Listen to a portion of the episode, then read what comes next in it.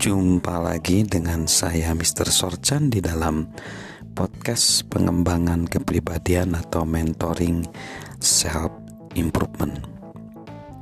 Bagaimana kita belajar dari kegagalan dan kekeliruan kita?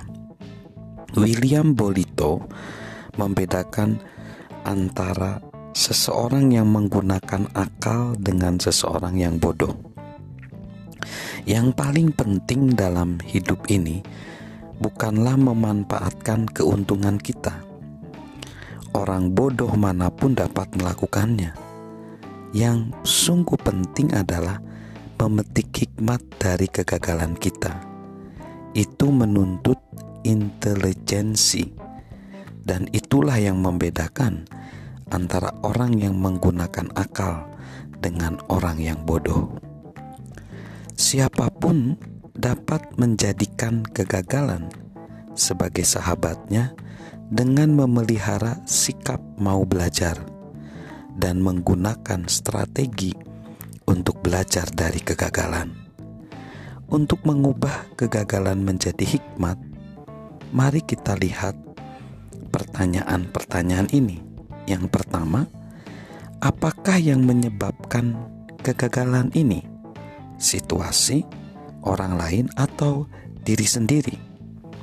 Kita tidak akan mengetahui apa yang dapat kita lakukan kecuali kita melakukan segala yang dapat kita lakukan untuk mencari tahu apa yang tidak beres.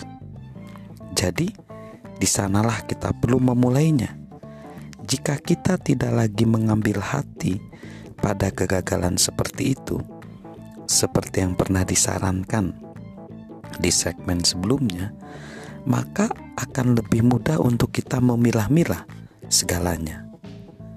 Di manakah terjadi kegagalan? Apakah kita berada dalam situasi yang tidak ada yang menang? Apakah orang lain yang menciptakan masalahnya? apakah kita membuat kekeliruan?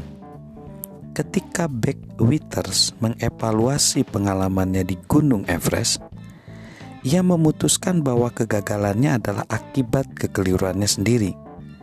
Ia menjelaskan, jika kita sudah demikian tinggi, kita menjadi bodoh karena ketinggian. Mulailah selalu proses belajar dengan berusaha mengidentifikasikan penyebab masalahnya. Yang kedua, pertanyaan kedua, apakah yang terjadi ini benar-benar kegagalan, atau apakah saya hanya kecewa? Kita harus menentukan apakah yang terjadi ini benar-benar suatu kegagalan.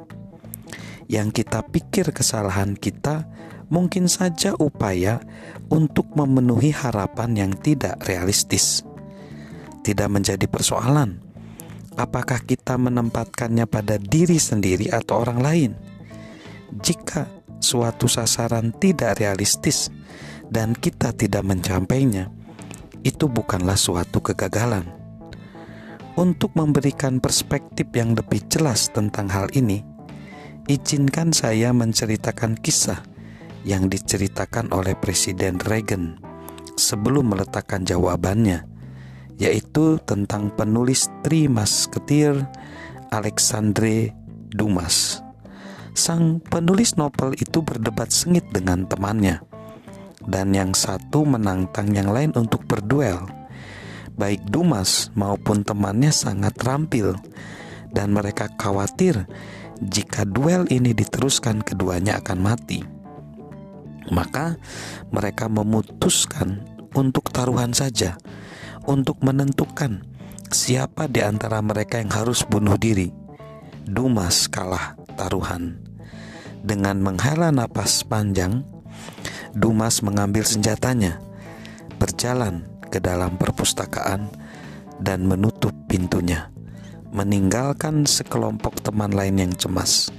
Setelah beberapa lama, terdengar suara senjata dari perpustakaan itu Teman-temannya langsung menerobos masuk dan di sana berdirilah Dumas dengan senjata masih mengepulkan asap di tangannya. baru saja terjadi sesuatu yang menakjubkan kata Dumas. Tembakanku meleset. Sementara kita memeriksa segala persoalan kita, berusahalah untuk seperti Dumas. Jangan biarkan harapan yang tidak realistis membunuh kita. Kita akan lanjutkan dengan beberapa pertanyaan tentang bagaimana caranya agar kita belajar dari kegagalan dan kekeliruan-kekeliruan kita.